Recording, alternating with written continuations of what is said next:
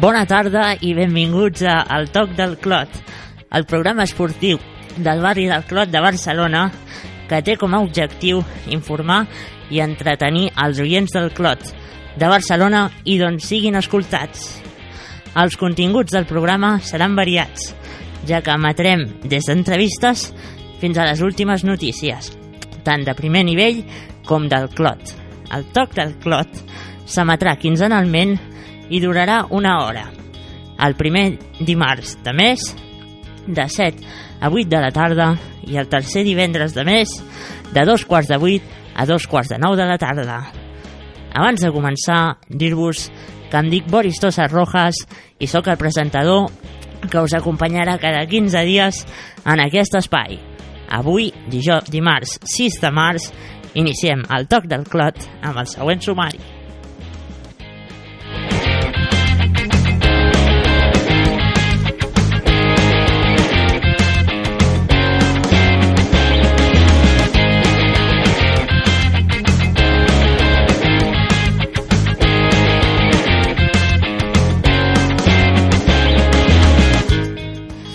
Començarem amb les notícies que tindran dos blocs, el que ja sabem i el que no sabem. A continuació tindrem el joc. A continuació, l'entrevista amb Maria Carbonell, esportista i exnedadora. A continuació tindrem la música i l'esport, una secció de Mouta pel Clot, altra vegada la solució del joc i el comiat del programa d'avui.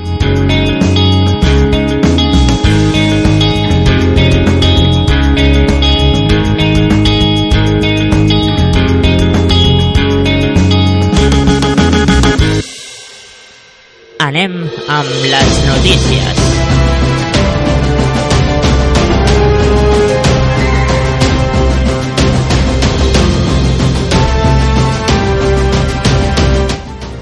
Bé, doncs, com comentàvem, el que ja sabem és que la setmana passada ens van deixar dos esportistes. El passat dimarts 27 de febrer va morir a l'edat de 68 anys l'exjugador de l'Sporting de Gijón i del Futbol Club Barcelona Enrique Castro González a causa d'una aturada cardíaca. Ara fa dos dies, el dissabte 4 de març, vam conèixer una altra mort, en aquest cas la del capità de la Fiorentina David Astori, als 31 anys, a causa d'un infart. D'altra banda, el, bàsquet, el Barça de bàsquet va dir adeu definitivament a l'Eurolliga al caure a la pista dels Arguiris de Kaunas per 90 a 74. I el que no sabem és que en el barri del Clot hi ha el Martinenc, un club esportiu que té equips de futbol, bàsquet, hockey i judo. En destaquem dos titulars. Victòria del sènior A femení de bàsquet del Martinenc enfront del bàsquet Col·legi Immaculada Concepció per 54 a 42. Pel que fa a la classificació, mantenen la segona posició del grup 1 de segona catalana a dues victòries de les primeres i dues victòries sobre de les terceres. No està gens malament. I el Martinenc de futbol goleja per 5 gols a 0 a l'Unificació Bellvitge i puja fins a la tercera posició del grup 2 de primera catalana, a 3 punts del líder. Anem amb una mica de música i continuem amb el joc.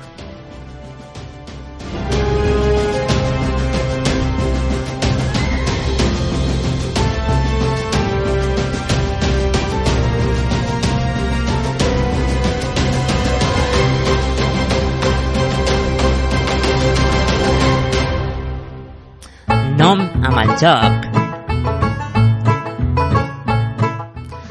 El joc és una secció amb la que nosaltres deixarem a l'aire una frase d'un esportista cèlebre del món de l'esport i a continuació, al final del programa, tindrem la solució de quin personatge ha dit aquesta frase.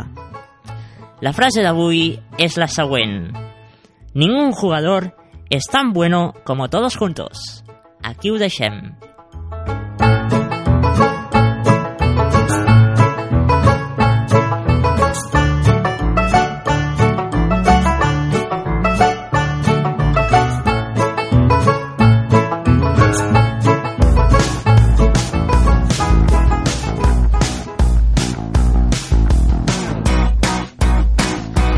Estem escoltant la sintonia que precedeix a l'entrevista. Avui, al primer programa del Toc del Clot, tenim amb nosaltres a Maria Carbonell, visiblement emocionada, i que, bé, ha, ha tingut una, una vida molt esportista, diria jo. Ella eh, es va dedicar a la natació, després eh, va deixar el món de la natació i es va dedicar professionalment al món de l'esport, també. Uh, Maria, bon, bona tarda. Com estàs? Una mica nerviosa? Una mica nerviosa, diu? Una miqueta. Bueno, no et preocupis, que l'entrevista anirà de conya. Segur, segur. Bé, uh, bé he comentat a, a l'inici, fent la teva presentació, que et vas dedicar a, a la natació. A quina edat vas començar en el món? Doncs jo vaig començar a nedar cap als 6 anys eh, al Club Natació Poble Nou, que era la piscina que teníem al costat de casa, i vaig començar a nedar perquè la meva germana nedava i per fer alguna activitat després de l'escola. I, bueno, eh, semblava que se'm donava una mica bé i vaig anar seguint entrenant, vaig anar després al Club Natació Barcelona i, bueno, vaig anar guanyant cosetes, poques, no creieu que sóc una Mireia Belmonte, òbviament. Eh, I després vaig passar al Club Natació Sant Andreu i allí ja em vaig dedicar més a la llarga distància fins als 22 anys, més o menys, que per una lesió eh, vaig acabar de nedar al, al Club Natació Hospitalet. Què és el que t'aportava la natació a nivell personal? Bueno, a veure, tothom ho diu, no?, que el fet d'haver fet un esport eh, et fa ser una persona molt responsable, tenir els teus objectius molt clars, no esperar les coses al moment perquè tu quan nedes o quan fas atletisme o quan fas qualsevol esport eh, comences a entrenar al setembre, per exemple, i els teus resultats han de venir al juliol. Llavors, el fet de ser pacient també t'ho dona el tema de, de fer esport. Moltes amistats, eh, i jo crec que un caràcter que, que el que és esportista doncs té un caràcter diferent a la persona que no ha sigut esportista. No obstant, tot i deixar la natació als 22 anys, eh, vas continuar amb una, amb una fita eh, al creuar l'estret de Gibraltar, nedant i, cal puntualitzar-ho, sense neoprè. Correcte. Sí, jo vaig deixar de nedar als 22 anys per una lesió a l'ombro, que em van operar i tot i no em vaig recuperar bé, i al cap de 10 anys eh, em vaig plantejar un objectiu des del al setembre del 2016 precisament me'l vaig plantejar de que en un any volia creuar l'estret. Era una manera de tornar a recuperar la natació a la meva vida, tot el que havia comportat aquest esport per mi, que tal com diu el meu marit, com vaig anar de sap nota perquè estic molt més tranquil·la, soc una altra persona, el cloro m'afecta completament. Llavors, bueno, vaig estar durant tot un any preparant-me per per aquest objectiu. També s'ha de dir que una persona que mai ha nedat, un any és poc temps. Però clar, jo tenia un, un bagatge que, que feia que en un any tingués suficient. Ja tenies uns fonaments uh, creats. Correcte, o sigui, la tècnica ja la tenia, el saber entrenar a l'aigua ja ho tenia. El que sí que vaig començar al setembre fent, eh, ficant molt importància amb el tema del físic i d'evitar lesions gràcies a Impuls i al Jordi Sant Sabrià, que era el, és el meu entrenador personal, fèiem dues sessions de, de físic a cada setmana, per sobretot reforçament d'ombros, per evitar que, que durant els 15-16 quilòmetres de l'estret doncs, no patís en cap moment. Llavors feia això, dues sessions de físic i una sessió entrenada per la Marian de del Món, que és amb qui vaig fer a l'estret de Gibraltar, i una o dues sessions que feia jo sola al Club Natació Barcelona i entrenava jo sola. I com et vas... Primer de tot, quin temps, quin temps va, vas fer? A veure, també, de, o sigui, he de dir que mm, jo esperava fer un temps d'unes 4 hores, 4 hores i mitja, que per mi era un temps espectacular i que pels entrenos que jo estava fent estava bé, estava molt bé. Però, eh, bueno, ens, el, amb Nedalmont, que és amb qui vaig creuar l'estret, érem 24 nedadors repartits en diferents grups i jo anava al grup més ràpid, que bueno, era una mica la més lenta del més ràpid, però ens, ens en vam sortir. I mm, llavors, clar, el grup més ràpid hi havia un noi polaco que, que nadava molt, molt, molt ràpid i hi havia dos altres nois, a l'Òscar i a l'Hugo, que més o menys tenien el mateix nivell que jo. Vam començar a nedar, anàvem superbé, anàvem superbé, anàvem superbé i va arribar un moment que, que potser quedaven 1.000, 2.000 metres, que jo em vaig posar molt mala llet perquè volia arribar allà, i a l'arribar a la roca em diuen, no, 3 hores 29 minuts. O sigui, mai a la meva vida m'havia plantejat fer 3 hores 29 minuts. És una passada. Està, està perfecte aquest temps i a més, com comentaves, supera la, les expectatives que tu tenies i això ja de per si és una satisfacció personal. A banda d'això, quines sensacions vas tenir al, al dir buah, he acabat, he superat amb escreix el que tenia previst fer? Com, com et sents en aquells moments? Et menges el món? No, bueno, sincerament, quan vaig arribar a la Roca estava de molt mala llet. Però, o sigui, molt cabrejada, perquè des de... Es van saltar un... En principi havíem d'habituallar cada 45 minuts i l'últim avituallament se'l van saltar perquè si ens, donaven, ens paraven i ens donaven de veure ens desviàvem molt i en lloc de fer 15-16 quilòmetres n'haguéssim fet 22 que està bé però com a mínim ens ho podien haver dit perquè jo no portava ni, ni rellotge, no sabia ni quant temps portaven, ni quants quilòmetres, o sigui, estava perduda completament. Llavors, quan portava uns 10 quilòmetres més o menys, em va començar a entrar molta mala llet, molta mala llet, molta mala llet, inclús tenia els meus familiars a la barca al costat i es pensaven que m'anava a retirar. En cap moment em vaig plantejar retirar-me, òbviament, però sí que un, quan vaig tocar la roca va ser bueno, ja està, ja ha arribat, ja s'ha acabat, per fin, tot un any entrenant per assolir això amb molts bons resultats. I, o sigui, jo crec que l'error meu va ser a partir dels 10 quilòmetres aquesta mala llet, no disfrutar-ho. O sigui, jo crec que un repte així, eh, com els que, per exemple, faran la marató aquest, aquest diumenge, ho has de disfrutar. I jo potser em va faltar una miqueta més d'entreno per acabar de gaudir les 3 hores 29 en, aquell, en aquest cas, o les 4 hores o el que hagués trigat, acabar de gaudir tot perquè, o sigui, estàs aconseguint una cosa que, que no tothom ho fa. I és un repte personal i que et sents, doncs, superbé amb tu mateix. Perfecte. Anem a fer una petita pausa per publicitat, res, dos minuts, i a continuació seguim l'entrevista amb un altre vessant de Maria Carbonell.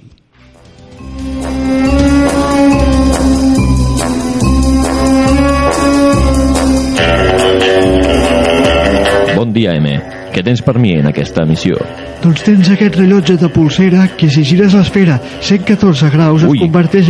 És molt bonic. On ho has comprat, això? Jo tots els rellotges i complements els compro al Clot.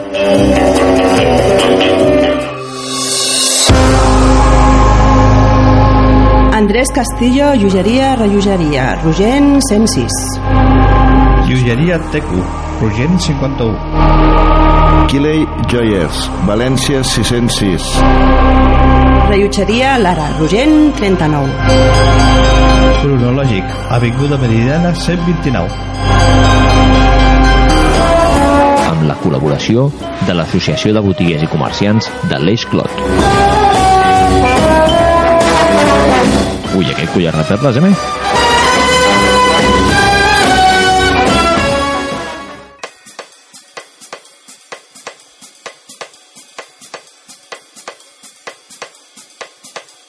Vols convidar una noia maca a sopar i quedar bé? T'agrada tastar cuines del món? Doncs al barri del Clot hi tenim la millor varietat de bars i restaurants al millor preu. A Ruta Gallega, al carrer Clot 78. Marlen Tastets, al carrer Clot 7577. Restaurant Braseria Suyapa, al carrer Mallorca 601. Restaurant Capri, al carrer Provença 576. Col·laboració de l'Associació de Botiguers i Comerciants de l'Eix Clot. L'Espai de Salut, el programa de salut d'aquí, de Ràdio Taneu del Clot. Recorda, ens pots escoltar el primer i tercer divendres de cada mes de 12 a 1 del matí. Aquí, a Radio Ateneu del Clot, t'esperem. I recorda que ens pots fer arribar les teves consultes, dubtes i mil coses més a la direcció de mail a espaidesalut.aclot.gmail.com de... Haz tu camino, fes el teu camí, un programa de crecimiento personal y espiritual un programa de creixement personal i espiritual que te invita a la relajación, la calma y la paz interior. que et convida a la relaxació, la calma i la pau interior. Todos los lunes de 6 a 7 de la tarde en Radio Ateneu del Clot. Tots els dilluns de 6 a 7 de la tarda a Ràdio Ateneu del Clot. Haz tu camino y sé feliz. Fes el teu camí i sigues feliç.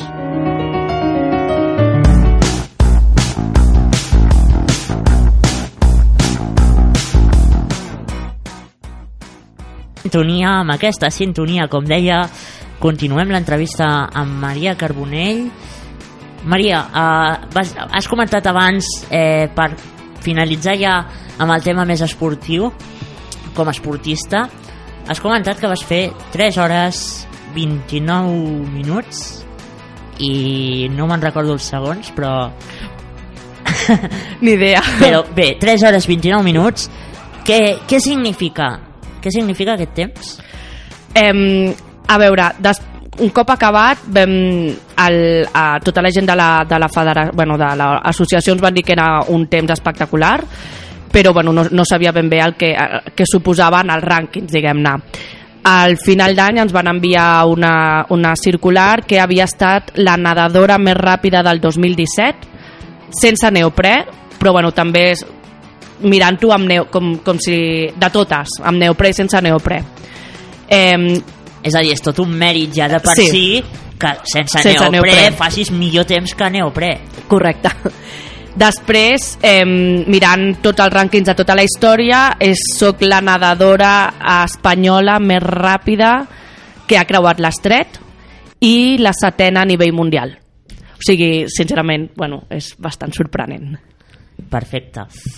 Com dèiem abans, anem a, a canviar una mica l'àmbit de l'entrevista, però no de protagonista. Anem, continuem amb Maria Carbonell. Uh, has comentat que, bé, que als 22 anys vas deixar la natació, però professionalment vas continuar lligada al món de la natació, si no m'equivoco, organitzant mundials de natació. En quin any i de quina manera?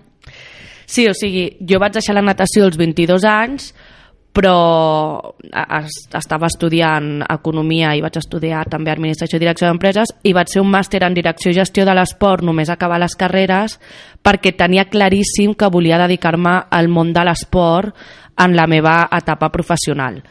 I bueno, un cop vaig acabar els meus estudis vaig entrar a una agència d'esdeveniments que és RPM, actualment RPM MKTG que és l'organitzadora de la mitja marató de Barcelona i de la marató de Barcelona, així com a esdeveniments més importants, i allí vaig estar 3 anys participant en diferents esdeveniments, sobretot molt corporatius, però també altres esdeveniments com la Titan Desert o el Mundial de Snow a la Molina en diferents departaments, o sigui, el departament de protocol, departament d'operacions, feia una miqueta de tot.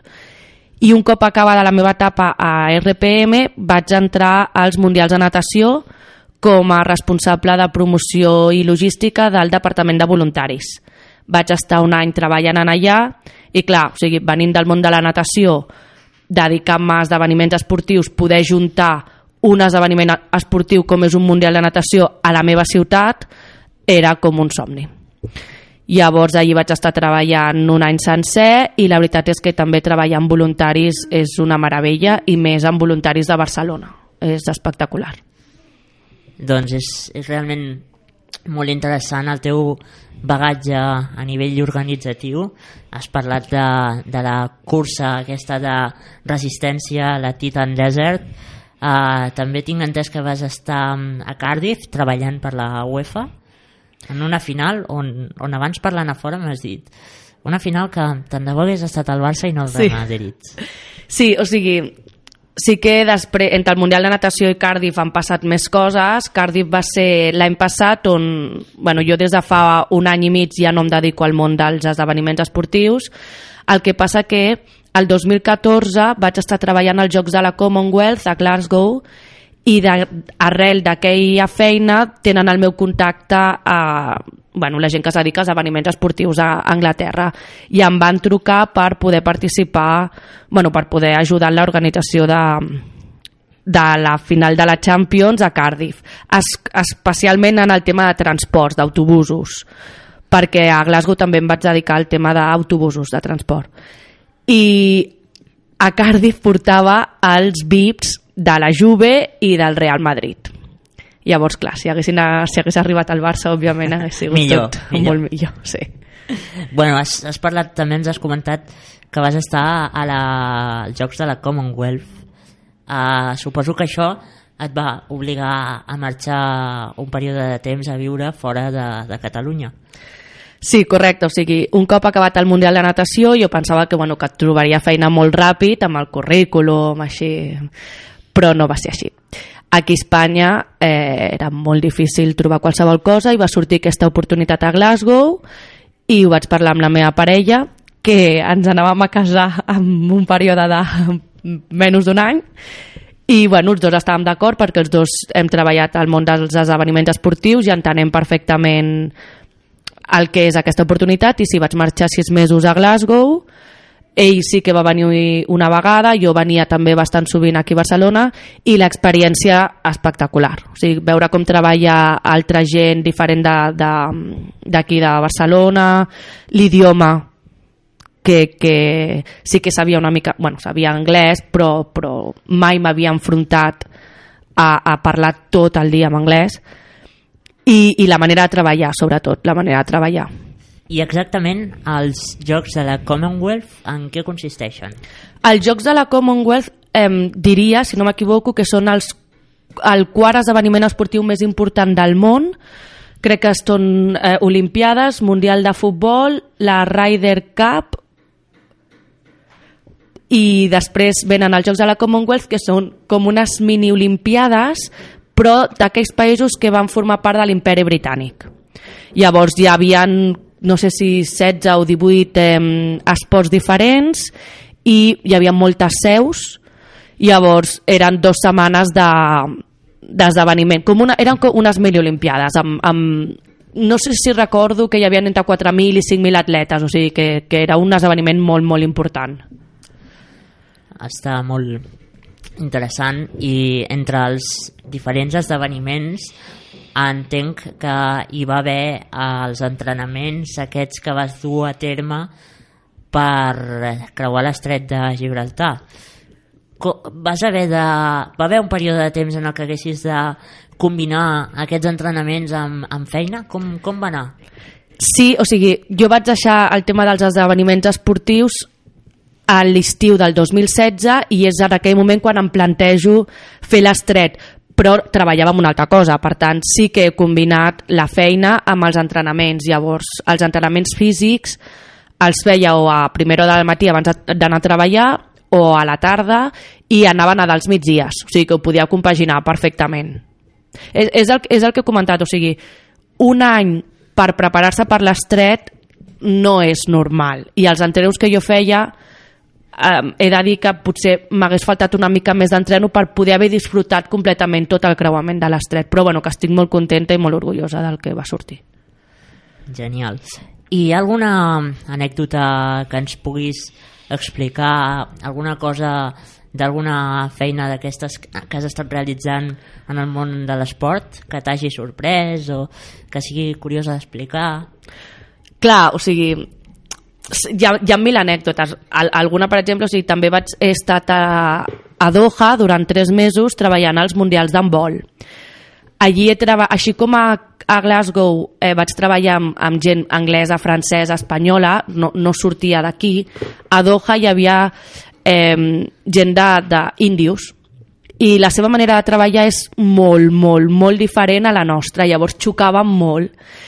Llavors, clar, una de les coses que m'ha portat també al treballar a diferents llocs és les diferents cultures i com veuen el, el, com fan les coses i com per tu una cosa és super important i per ells pues, s'ho prenen amb calma i com per, per ells hi ha alguna super important i nosaltres ens ho prenem amb calma com per exemple la seguretat la, jo com que treballava amb autobusos, la seguretat als autobusos a Anglaterra és molt important, moltíssim.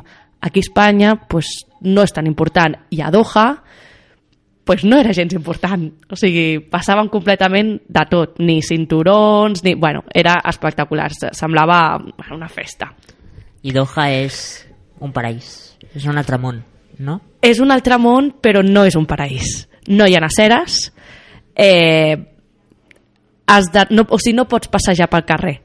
Vas de l'apartament on estàvem nosaltres a l'oficina o al centre comercial. No hi ha res més. Sí que hi ha la part antiga, que vas un dia a la visites i això, i hi ha la Cornís, que és la zona de la platja, que també està bé, però és que no, no és una ciutat on jo recomanaria anar. Recomanaria abans un viatge per Escòcia que no pas a Doha. Fa molta calor, molta calor, i no, no, la gent d'allà tampoc és molt amable. O sigui, no ho recomano.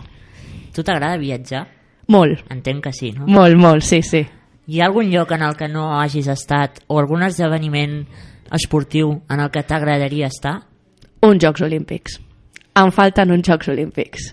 Ja seria la cirereta de, Sí del que vaig- pastís, no?, de tanta trajectòria. Sí, sí, sí, vaig aplicar per Rio, però estava treballant a World Padel Tour a Madrid i tampoc era compatible i no, bueno, tampoc vaig tenir la sort de, de que m'agafessin per treballar. Llavors, mm, clar, 2020 Tòquio jo ja espero tenir nens i, i ja serà impossible. I ja si parlem de 2024 a 2028 que, que sent Los Angeles i París podria ser algo fàcil i a la meva vida no, no tindrà res a veure amb els esdeveniments. Però tinc l'espineta clavada de, de no haver pogut treballar en uns Jocs Olímpics. Hi ha algun país, algun lloc que et cridi l'atenció per eh, fer un viatge? Austràlia, per exemple, tots els meus companys de Glasgow ara estan a la Gold Coast d'Austràlia perquè el, aquest any es fan els Commonwealth del 2018. Llavors, haguéssim tingut l'oportunitat si em s'hagués dedicant eh, perquè està la meva exjefa, per exemple, i ja m'han llançat alguna de dos. Hauríem hagut de plaçar una altra boda o la boda ja està feta? No, no, la boda està feta, la boda està feta ja, sí, sí. Però no, no, ja, jo ja vaig, ser, vaig decidir deixar-ho i ja ara em dedico al negoci familiar i molt contenta, així que... Perfecte. Com et descriuries primer com a esportista i després com a persona? Buah. A veure, com a esportista jo feia llarga distància. Llavors... Joder, vaya pregunta. Perdó. Eh, clar, no sóc una persona ràpida, o sigui, era una persona molt... Sóc una persona tranquil·la. Bastant tranquil·la. I que li costa molt sacrificar-se. O sigui, això m'ho deia el meu entrenador.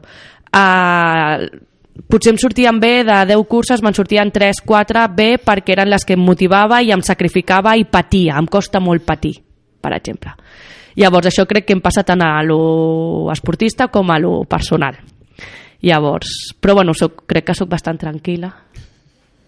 No sé, estic mirant aquí el meu marit que està al meu sí, costat. Sí, sí, el tenim aquí, fa unes cares com de dir...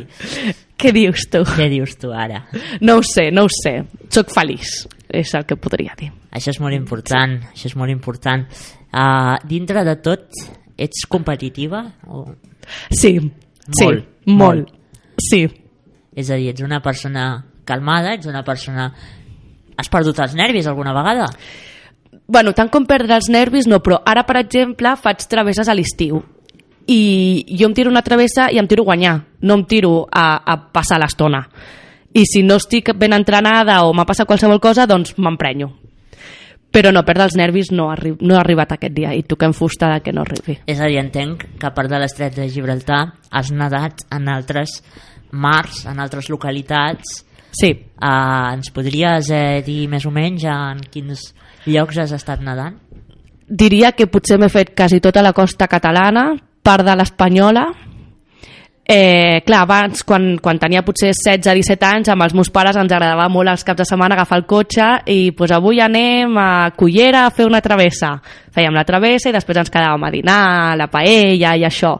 I eh, sobretot gràcies al meu pare, que s'ha fet quilòmetres i quilòmetres, bueno, i a la meva mare, òbviament, s'han fet quilòmetres al cotxe dos travesses, per exemple, que recordo molt xules, a París, al costat d'Euro Disney, que vam anar amb cotxe, i a Normandia, on vaig veure les meduses més grosses que existien. Molt heavy. I l'aigua estava a 16-17 graus. Què penses? Aigua freda no hi ha meduses?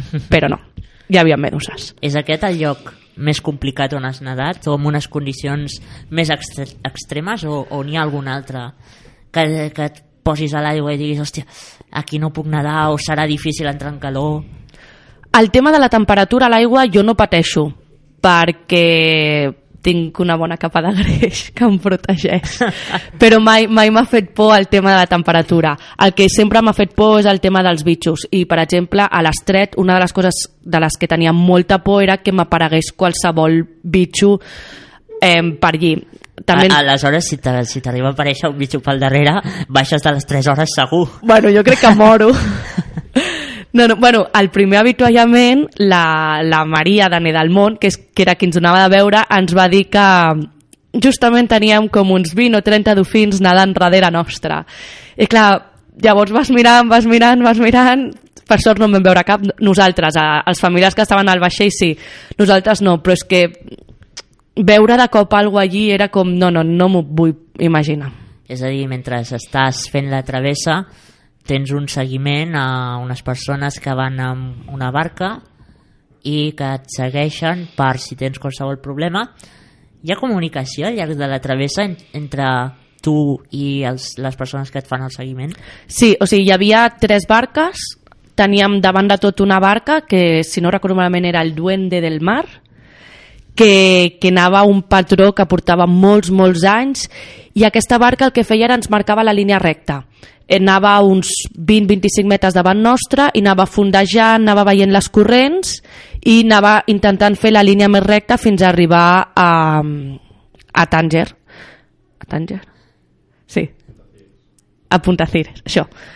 Eh, després teníem una barca, una Zodiac, que hi havia dues persones, el Fernando de l'Associació de Cruce Anado del Estret de Gibraltar i la Maria de Nedalmont, que eren els que més o menys ens orientaven una mica de pues, porteu tanta estona, neu bé, neu malament, eh, i ens donaven de veure cada 45 minuts, sempre sense tocar la barca, perquè si no, no és, no és vàlid. I a uns 15 metres cap a la dreta hi havia una barca bastant grossa amb els familiars, que jo portava el meu pare, la meva mare, el meu marit i la meva cosina, i animant tota l'estona els senties animar sí. tota l'estona. Sí, sí, Incansables. sí, sí. sí. Sobretot al final. Tot això suposo que també és un escalf que tu reps en aquell moment per dir vaig a tirar endavant, vaig a... no, no em rendiré i si no ho faig per mi ho faré per totes les persones que m'estan animant. Bueno, més que res, el, el, ho faré per les persones, ara potser és una mica lleig, ho faré per les persones que, que m'estan animant, era, hòstia, perdó. No, no, no, digues tant de temps entrenant, sap tanta gent que estic creuant l'estret, ara mateix que em queda, vés a saber, potser una hora, no, no, o sigui, no puc parar, no, no queda bé, no queda, o sigui, per mis dallonsis que he d'arribar i he de tocar terra i, i, i s'ha de, o sigui, ha d'acabar bé això. Realment, ara ho estàs explicant i tens a la cara una emoció que realment, és a dir, clar, els oients que ens estaran escoltant o que ens escoltin en un futur no ho poden veure, però la tinc aquí i està parlant amb una passió i, i, i d'una manera, una, és que és, és brutal, és una sensació que jo com a entrevistador estic tenint que no l'havia tingut mai. I realment això diu molt de, del que vas fer i, i de com ho vas viure. Sí, ho, ho vaig... Fins als 10 quilòmetres ho vaig disfrutar molt. Anava molt bé, anava molt tranquil·la, veient al fons, o sigui, era, la, era espectacular. Per exemple, ens havien avisat que els tres primers quilòmetres s'havien de fer en menys d'una hora pel tema de les corrents i penses, bueno, notaré alguna cosa o alguna I és espectacular perquè de cop i volta, o sigui, ens vam tirar i hi havia onadetes i l'aigua estava molt freda. I de cop i volta era com si t'haguessis tirat una piscina calenta res d'onades i l'aigua super, super calenta. I era com, o sigui, no pot ser, o sigui, un metre enrere l'aigua està gelada i aquí l'aigua potser ha pujat 5 o 6 graus. Llavors, totes aquestes sensacions i estar nedant des d'Espanya fins, a, fins a Àfrica, tot això era com... Buah, I més que res també, un any preparant-te, hi havia moments durant aquest any que deia qui m'ha dit que he de fer això, quin pal em fa anar a nedar o quin pal em fa anar a entrenar, però la veritat és que va valguer molt, molt la pena.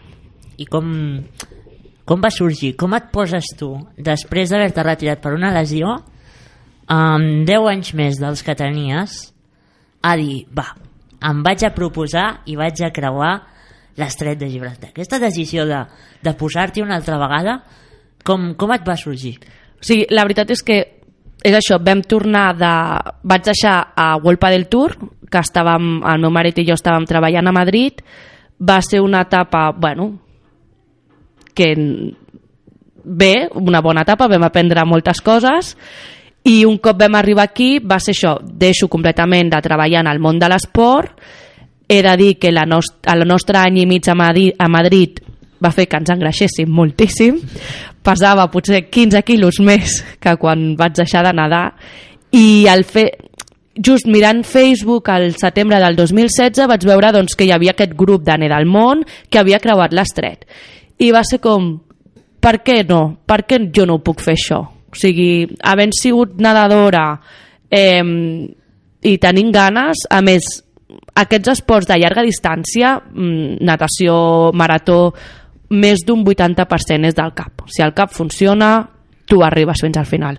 Òbviament s'ha d'entrenar, però molta, molta, molta part és, és que el cap et funcioni. I per sort el cap em funcionava bastant bé.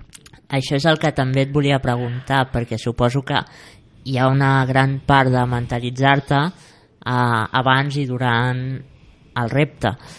Inf eh, quina importància tenen les persones més pròximes a tu i com valores les seves opinions tan positives com negatives és a dir, imagina't que ara tu li proposes això, dius a la teva parella mira, vaig a fer o vull fer això i et diu, estàs boja però no saps on et fiques però tal com influeix que actuïn d'una manera o d'una altra? La veritat és que per part meva tot han sigut eh, respostes positives i tothom m'ha animat a aconseguir això. O sigui, crec recordar que no ha hagut cap persona que hagi dit, ala, estàs boja, on vas? No, bueno, sí, ala, estàs boja, on vas? Segur que m'ho han dit. però, però sempre um, animant-me. A més, també començant al setembre, a l'octubre, novembre ja veiem resultats. Veiem resultats amb el pes perquè vaig començar una dieta, veiem resultats amb l'entrenament perquè anava anant més ràpida i aguantant més temps. Llavors, clar, amb tres mesos, quatre mesos ja començant a veure resultats, feia que l'objectiu valgués la pena. Ja si creuava o no creuava, era una cosa, però tot aquest any m'ha servit per menjar una mica millor, eh, incorporar una altra vegada l'esport a la meva vida, tornar a nedar, que això em senta superbé. Llavors sempre he rebut per positiva. Òbviament que la família estigui al teu costat és primordial, perquè tu vas entrenar, que et diguin no, no, vés a entrenar en lloc de no, queda't aquí a casa amb mi és molt important. O sigui, aquest empujoncito final te'l dona la persona que tens al costat o les persones que tens al costat. I aquest èxit personal et va influir a nivell laboral? Vas notar una millora? Vas... No, perquè des de, des de això, l'estiu del 2016 estic a l'empresa familiar. Vale. Llavors, bueno, la meva trajectòria a l'empresa familiar no, no, no, això no m'ho marca. El que sí que que entenc que no va lligada al món de l'esport. No, és vale. una consultoria farmacèutica que ens dediquem a la compra i venda de farmàcies, Carbona i Farma. Perfecte. Doncs bé, uh, també et volia preguntar res més. Uh, dir-te que, que ha estat un plaer entrevistar-te. Igualment. Que, que ets una persona fantàstica. Gràcies. Que, bueno, mm, ha estat una crec que ha estat una molt bona entrevista jo m'he sentit molt còmode fent-la jo també espero que tu com a entrevistada també t'hagis sentit còmode, que no t'hagi fet cap pregunta fora de context cap, cap pregunta, ni una cap pregunta incòmoda no, no però bé, per si de cas ja saps que, que tu i jo entrenem junts també sí. a alguns dies de, a la setmana o al mes Uh -huh. així que qualsevol cosa me Ja la pots diré, dir, me la exacte. pots dir a més saps on visc Sí. Moltes gràcies, Boris. a tu bé, acabem l'entrevista amb l'esportista Maria Carbonell i ara anem a la següent secció anomenada la música i l'esport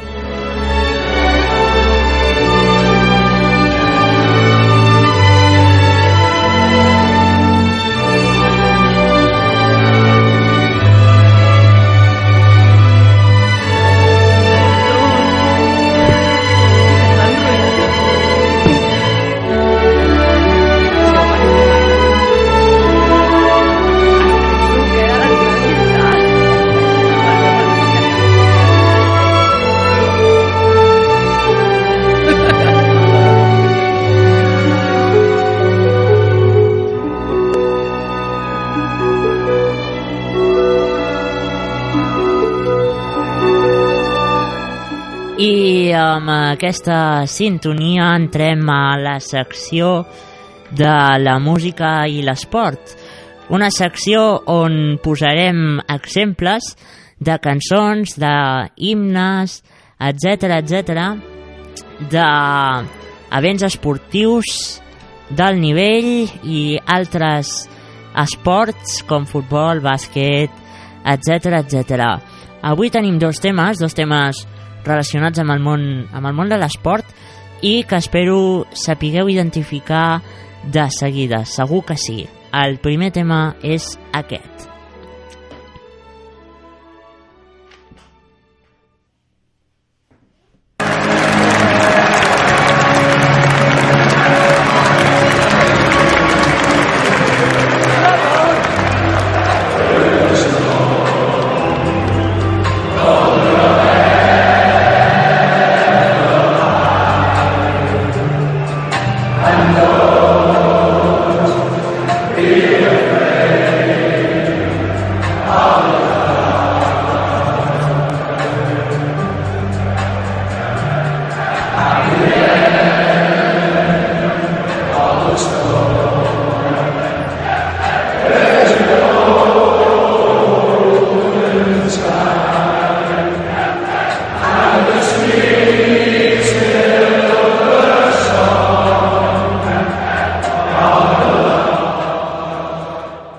El que podem escoltar és un fragment del You'll Never Walk Alone cantat en directe per l'afició del Liverpool a Anfield, un dels himnes que més impressionen en l'àmbit del futbol.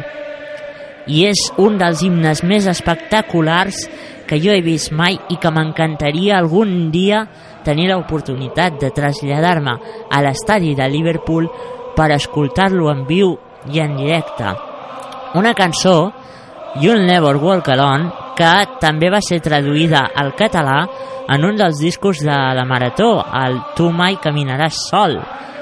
Si no m'equivoco, va ser a l'any 2012 en la Marató contra el càncer. Escoltem-ho perquè posa la pell de gallina.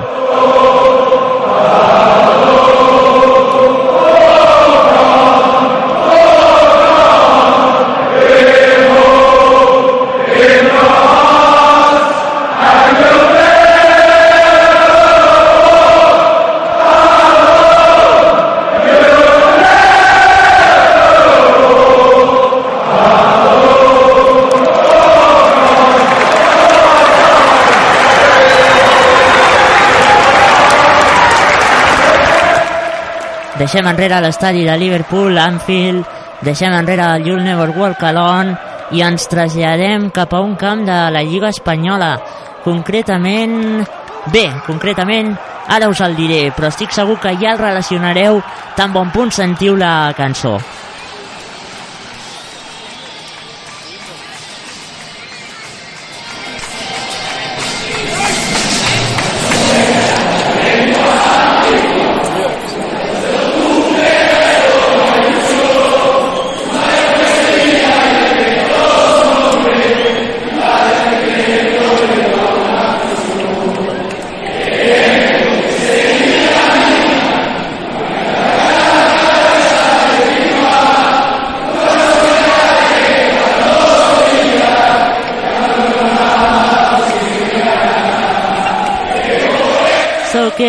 Vengo a verte, sevillista seré hasta la muerte. Bé, em surt la, la vena artística que tinc a dintre, però al final no va malament un, un punt de, de, de bogeria en aquest programa esportiu, en el primer programa esportiu del barri del Clot, al toc del Clot. Sí senyors, és a la Rebota, és l'himne del Sevilla, un dels himnes, si no l'himne més espectacular en un camp de futbol de la Lliga Espanyola. Jo he de dir que vaig tenir una experiència, no al camp del Sevilla, però sí al camp de l'Atlètic de Madrid ara fa dos anys, en una final de la Copa del Rei amb la qual jo m'hi vaig desplaçar. Hi havia mig estadi sevillista, mig estadi culer, i al principi del partit us juro que només s'escoltava l'himne del Sevilla. Va ser una cosa que em va posar la pell de gallina. Em va donar una enveja sana que no sabeu de quina manera. És a dir, és una cosa espectacular. I és un altre dels camps on a mi m'agradaria estar en viu i en directe. Acabem d'escoltar l'himne del Sevilla.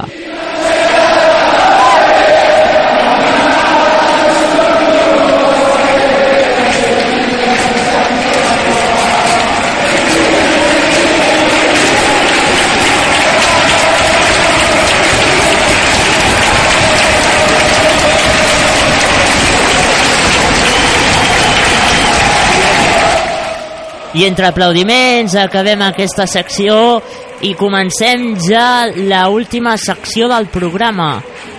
Aquesta secció s'anomena Mouta pel Clot i és una secció on us animo a que feu activitat física en el barri del Clot i us dono eines i espais per poder fer aquesta activitat física.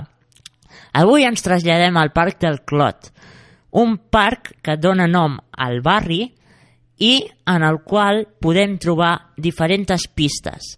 Podem trobar una pista de bàsquet, podem trobar una pista de futbol, podem trobar una pista de frontenis, pistes de ping-pong i a la vegada també podem trobar d'espais naturals per poder fer sèries, per poder córrer, fer running, és a dir, un espai poliesportiu per tota la gent, nens, eh, avis que tinguin nets i vulguin anar a passar una jornada esportiva en el Parc del Clot, jo us convido que algun dia que faci bon temps baixeu amb els vostres amics, companys, familiars al Parc del Clot per fer activitat esportiva sempre saludable i que estic segur, segur que us anirà molt bé per la vostra capacitat física.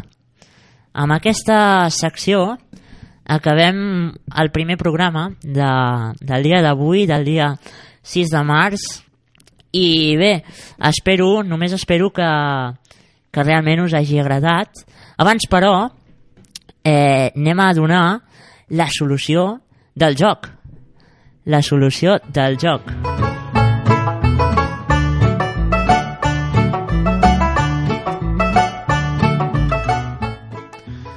Al principi del programa, no sé si alguns ja ho recordareu, hem dit una frase, una frase que va dir un esportista cèlebre del món del futbol. Doncs aquesta frase que tinc per aquí sobre de, de la taula i que ara mateix us diré, ningún jugador es tan bueno como todos juntos, la va dir ni més ni menys que Alfredo Di Stefano.